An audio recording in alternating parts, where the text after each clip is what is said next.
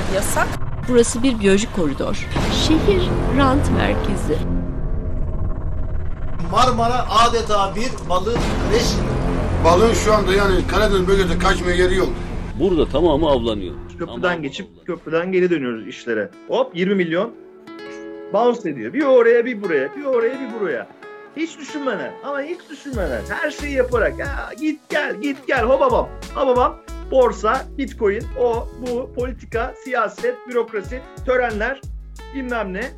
Bin kişi temizliğe gittik. Oba gazeteler gelsin hurra fotoğraflar falan.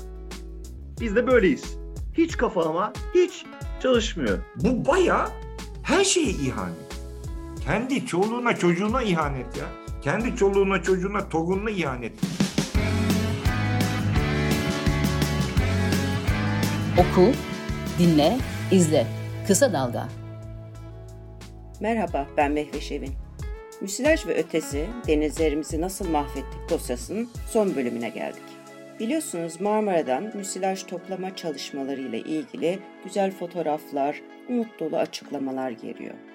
Yetkililere sorarsanız temizlenen yüzeyi gösterip artık müsilaj kalmadı bile diyebiliyorlar. Fakat bu dosyada anlatmaya çalıştığımız gerçek maalesef değişmedi. Asıl sorun denizin dibinde göremediğimiz yerlerde. Bandırma Üniversitesi Denizcilik Fakültesi Dekanı Profesör Doktor Mustafa Sarı ilk 7 metrede deniz salyasının hafiflediğini BBC Türkçe'ye doğruladı. Ancak müsilaj yoğunluğunun 7 metre ile 30 metre arasında geçtiğimiz haftalardan da yoğun olduğunu söyledi.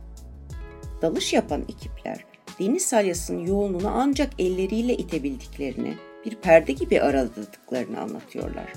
Hatta Marmara Adası açığında 30 metreden aşağısı yoğun müsilaj tabakasından dolayı zifiri karanlık. Aşırı avcılık baskı. Şehirleşme, kentleşme, kıyı alanların talanı baskı. Atıklar, evsel, endüstriyel, zirai baskı. Hidroelektrik santralleri, işte kömürle çalışan santraller, atılan sıcak su, basılan baskı. İklim değişikliği yine insan kaynaklı. Artı iki buçuk derece artmış deniz. Deniz kimyası, denizin döngüsü bozuluyor. Sıcaklık arttığı için bir şeyler oluyor. Artı. E belki tatlı su girişi olması gerekiyor Karadeniz'den ciddi bir şekilde. E sen nehirlere, ırmaklara HES yapmışsın. Suyunu kesmişsin. Oradan tatlı su giremiyor. Belki artı. Bilemiyoruz. Döngüsünü değiştiriyorsun. Yani baskı, baskı, baskı, baskı, baskı, baskı, baskı, baskı. Hani stresli bir insan düşünün. Üzerine vuruyorsun da vuruyorsun, vuruyorsun da vuruyorsun, vuruyorsun da vuruyorsun. Adam ne yapıyor? Sonunda intihara gidiyor. Depresyona giriyor. Sonunda intihara gidiyor. Yani şey olarak gidiyor. Bir de yaşayamama durumu var. E, beslenemiyorsun, oksijensizsin. Hastalıklar gelmiş vaziyette. Sıcaklıklar artmış. Hani 50 derecede yaşamaya çalışıyorsun. Düşünün. Her taraftan baskı yiyorsun. Köprüden geçip köprüden geri dönüyoruz işlere. Hop 20 milyon bounce ediyor. Bir oraya bir buraya, bir oraya bir buraya. Hiç düşünmeden ama hiç düşünmeden her şeyi yaparak ya git gel git gel hobabam hobabam borsa, bitcoin, o, bu, politika, siyaset, bürokrasi, törenler bilmem ne. Bin kişi temizliğe gittik. Oba gazeteler gelsin hurra fotoğraflar falan. Biz de böyleyiz. Hiç kafama hiç çalışmıyor. Deniz biyoloğu Mert Gökalp, Marmara üzerindeki baskıları özetlerken isyan etmekte haksız mı? Tekrarlayalım, etkin önlemler hızla uygulanmadığı sürece Marmara'nın kurtuluşu yok.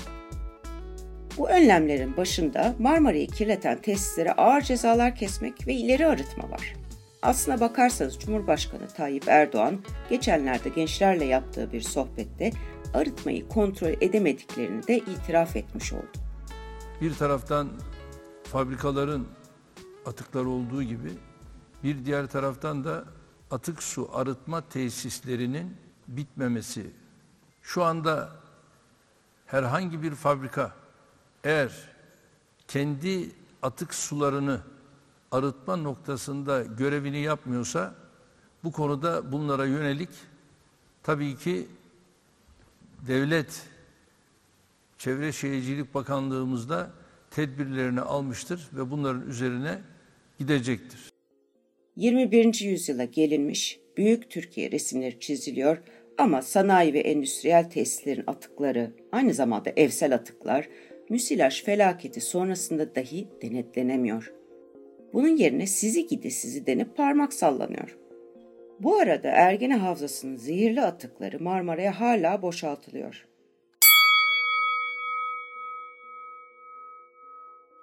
Müsilajın tek sebebi atıklar değil.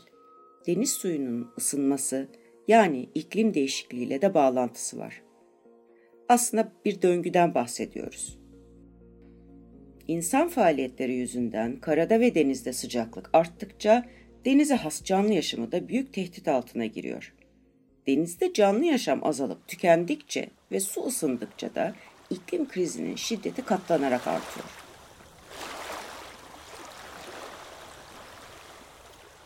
Nasıl mı? Şimdi ormanların sera gazının etkisini azalttığını artık herkes öğrendi. Daha az bildiğimiz gerçek şu. Denizler ve okyanuslar en az ormanlar kadar kritik sera gazı yutakları. Denizler iklim değişikliğine karşı bir nevi tampon görevini görüyor çünkü ısıyı da dengeliyor. Fakat tüm gezegendeki sıcaklık artışı, denizlerin talanı, kirlilik, okyanusların dahi asitleşmesine yol açtı. Denizlerdeki asit oranı yükseldikçe hem karbon yutamaz hale geliyor hem mercandan balığa her canlı için hayatta kalmak daha da zorlaşıyor. Tüm bunlar birbirini tetiklediği için müsilaj gibi afetler yaşanıyor. Okyanuslarla denizler birbirlerine bağlı sistemler. Hepsi birbirini etkiliyor. Kendi coğrafyamıza Akdeniz'e girelim. Akdeniz dünyanın en hızlı ısınan denizlerinden. Ege buna dahil. Bütün havzadan bahsediyorum. Dolayısıyla ülkemizde de balıkçılık, turizm ve ekosistem büyük tehlike altında. Dünya Doğayı Koruma Vakfı WWF, iklim krizinin daha şimdiden Akdeniz'deki bazı önemli ekosistemleri tekrar iyileşmeyecek şekilde tahrip ettiğini açıkladı. Bu tahribatın bir kısmına sizler de eminim şahit oldunuz. Mesela pek çok yerde deniz anası kolonisi patlamaları yaşanıyor. Akdeniz hem ısındığı için hem Süveyş kanalından gelen istilacı türler yüzünden büyük zarar görüyor. Daha da kötüsünü söyleyeceğim şimdi. Marmara ve Karadeniz'in son 60 yıllık sıcaklık artışı Akdeniz ortalamasında üzerinde. Karadeniz'in sadece yüzey suyu değil, soğuk ara tabakası bile ısınıyor. Bu da büyük bir tehlike oluşturuyor.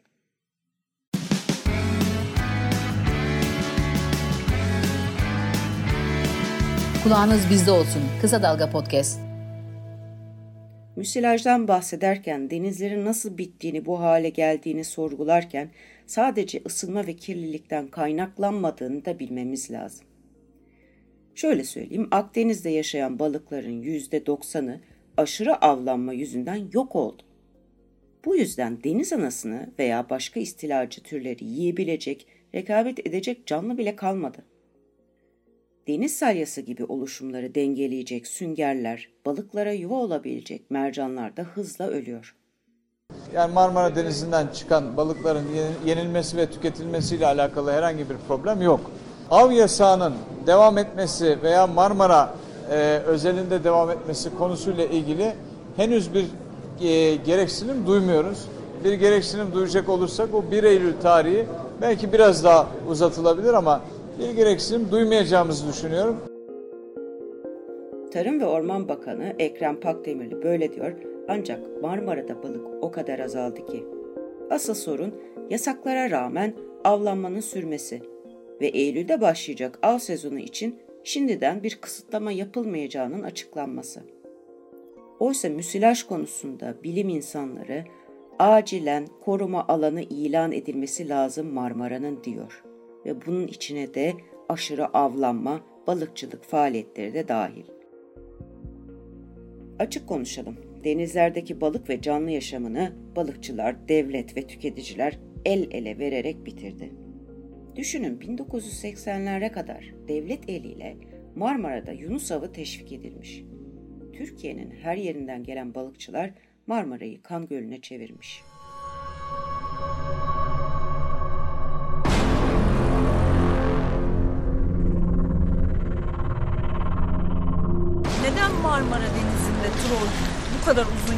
Yıllardır yasak. Burası bir biyolojik koridor. Şehir rant merkezi. Marmara adeta bir balık rejimi.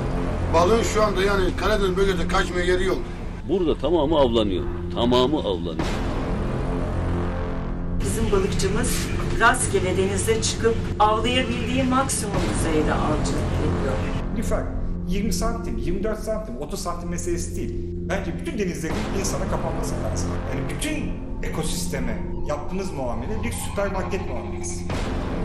Cizalar caydırıcı değil yani. Büyük olabilir ama kazanılan para daha da... Blue TV'de gösterimde olan Lüfer belgeseli Marmara'nın bereketi ve neden bu hale geldiğini çok çarpıcı biçimde anlatıyor. Ben de Lüfer ve Orfoz adlı belgesellerin yapımcısı olan doçent doktor Mert Gökalp'e sordum. Türkiye denizlerinde özellikle Marmara'da ticari balıkçılık nasıl yapılıyor? Etkileri neler? Şimdi zaten e, bu kadar büyük endüstriyel avcılığı, bu kadar avcılık yapan insanı, yani bu, bu kadar atık var, bu balıkları avlayan bu kadar endüstriyel avcıyı kaldırma şansı yok Marmara Denizi'nin, Karadeniz, iç denizler bunlar. Yani bir koruma alanı yapmak çok önemli bir şey ama hemen başlamak lazım. Zaten avlanamıyor. Zaten balıkçılar gitmiş Ege'ye, Karadeniz'e çıkmış vaziyette o tarafları etkiliyorlar şu anda. Belki de yurt dışına gidecekler, başka denizleri etkileyecekler. Şimdi koruma bölgesi demek ne demek? E, kesinlikle avcılığın yapılamıyor olması demek. Avcılık yapılıyorsa sadece belirli alanlarda ve geleneksel balıkçılar, etkisi en düşük oranda olan avcılar tarafından yapılabiliyor olması, amatör balıkçıların hepsinde lisanslanması, belli sayıda tutulması, belli boy limitleri dahilinde öyle yani kafama göre şu kadarcık istavrit, bu kadar barbun tutayım, şöyle işte lüfer değil de çinokop tutayım gibi değil. Herkes şeyde limitli. Yanlış yapıyorsa ceza yiyor. Yani kulağa çekiliyor, cesaret edemiyor. Şimdi iki tane sistem var. Aşırı avcılığı sağlayacak, endüstriyel avcılık. Bir tanesi troll, deniz zeminin komple alıp bir bölümü 20 metrelik bir alanı böyle bir kilometre boyunca tarayan bir şey düşünün bütün gün boyunca. Yani bir sürü tekne düşünün. Zaten Marmara'da yasak ama Karadeniz'de olduğunu düşünün. Ama yapıyorlar. Kaçak var çünkü bir sürü. Bir de gırgır sistemi var. Çeviriyor balığı belli bir alan içerisinde çevirip hop alıyor oradaki balığı. Şimdi e, deniz zeminin tarayan şey oradaki yuvalama alanlarını, mercan yataklarını, sünger yataklarını işte ne varsa orada o alanda tarap harap ederek alıyor.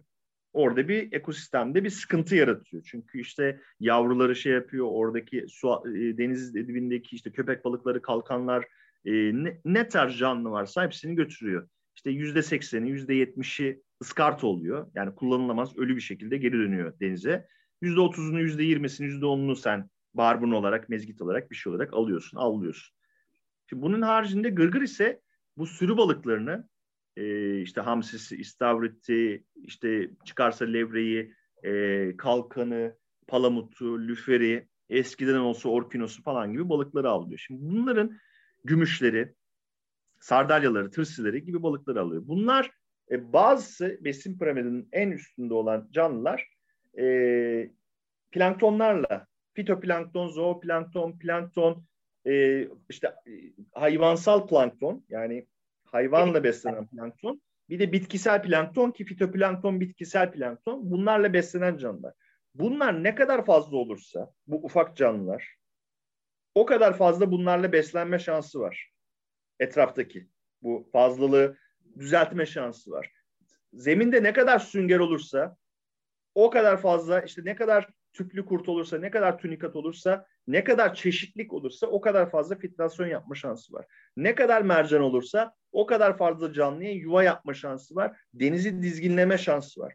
Bu ekosistem ne kadar tam olursa, bütün olursa, çeşitlik olursa deniz içerisindeki kimyasalların, e, organizmaların, canlıların o kadar fazla düzen içerisinde olma şansı var. Sen bunun içerisinde aşırı avcılık şey yaptığın zaman, bir tarafı çok fazla aldığın zaman e, onların besleneceği canlılar bir anda çok fazla üreyebiliyor. Mesela ne kadar fazla organik madde girerse o fosfat nitrat fazlalığından dolayı organik madde bunu sağlıyor. O kadar fazla deniz anası geliyor.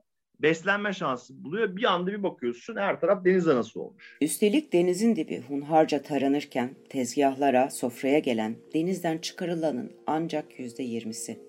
Yüzde sekseni deniz yaşamının çöp oluyor. Denize geri atılıyor. Mesela yılda 700 bin ton çıkarılan hamsinin üçte ikisi de balık çiftliklerinde yetiştirilen balıklar için yem yapılıyor. Netflix'in çok seyredilen ve tartışma yaratan Seaspiracy belgeseli, dünyanın farklı yerlerinde aşırı avlanmanın yarattığı yıkımı çok dramatik bir şekilde anlatıyor. Ticari balıkçılık dünyada yüz milyarlarca dolarlık devasa bir endüstri. Kanun, kural tanımayan veya bunların ardından dolanan ülkede çok. Bu arada deniz canlılarının büyük bölümü doğrudan avlanma yüzünden değil kazara, ağlara takılarak can veriyor. Aynı şey bizim ülkemizde de geçerli. Yunuslardan karettalara, foklardan köpek balıklarına, sağlıklı bir deniz ekosistemi için elzem türler bu yüzden hızla yok oluyor. Denizlere bırakılan hayalet ağların nasıl bir kıyıma yol açtığını Tan Morgül'den dinleyin. Denizlerdeki müsilajdan önceki en önemli korkunç şey deniz dibine bırakılan avcılık malzemeleriydi. Özellikle ağlar, sentetik ağlar ve bu ağlar o deniz dibini şey gibi şu andaki müsilajdan daha beter. Çünkü şu andaki müsilaj öyle veya böyle organik. Bu organik dediği yani orada kalıyor binlerce yıl orada ve hayvanların deniz tabanındaki şeyini yaşam alanlarını e, yok ediyor ve en korkuncu avlanmaya devam ediyor. Onlarca e, balık özellikle avcı balıklar arasında köpek balıkları en korkuncu mesela e, karetta karettalar çünkü onlar gidiyorlar bir şey merak da ediyorlar arasına giriyorlar ve orada sıkışıp ölüyorlar. Yani avlanmaya tırnak için işte avlanmaya devam etme şeyi. ODTÜ bünyesinde kurulan Sualtı Araştırmaları Derneği, Akdeniz için iki bayrak tür sayılan deniz çayırı ve Akdeniz fokunu uzun yıllardır araştırıyor. Bu ikisinin varlığı denizlerimizin sağlıklı olup olmadığına dair en önemli işaret aslında.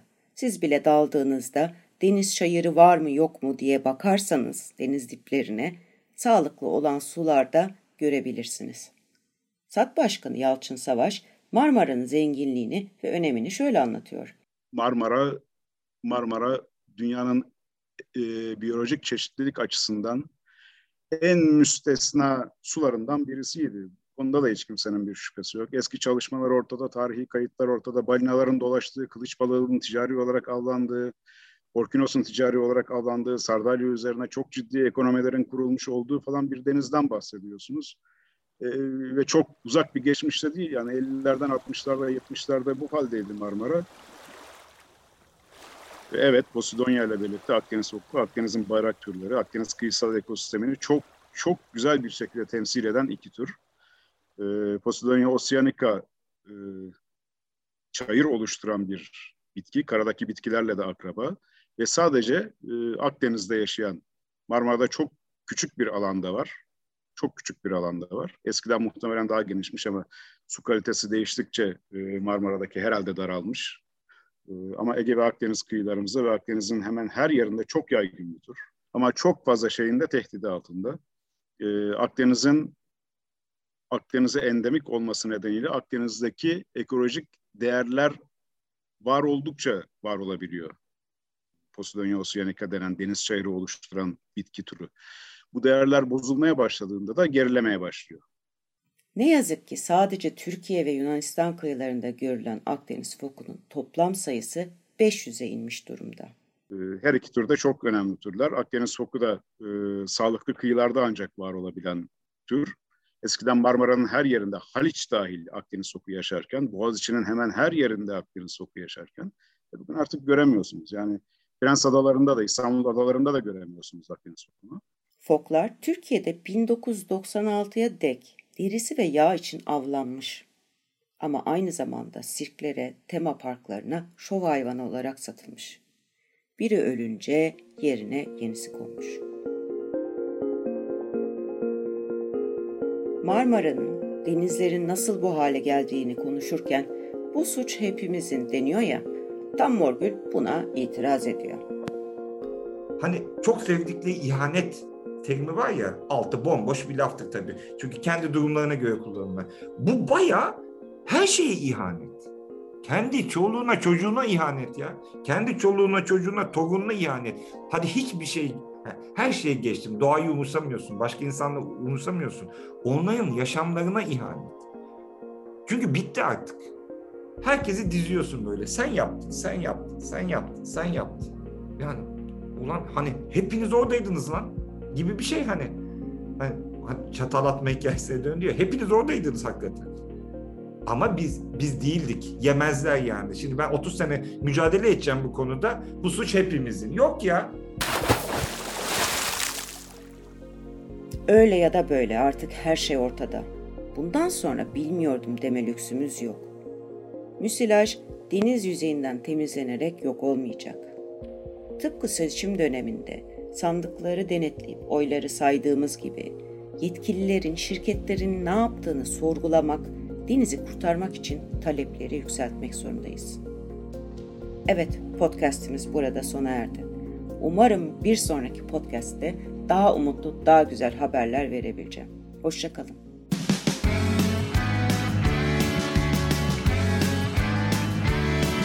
Kulağınız bizde olsun. Kısa Dalga Podcast.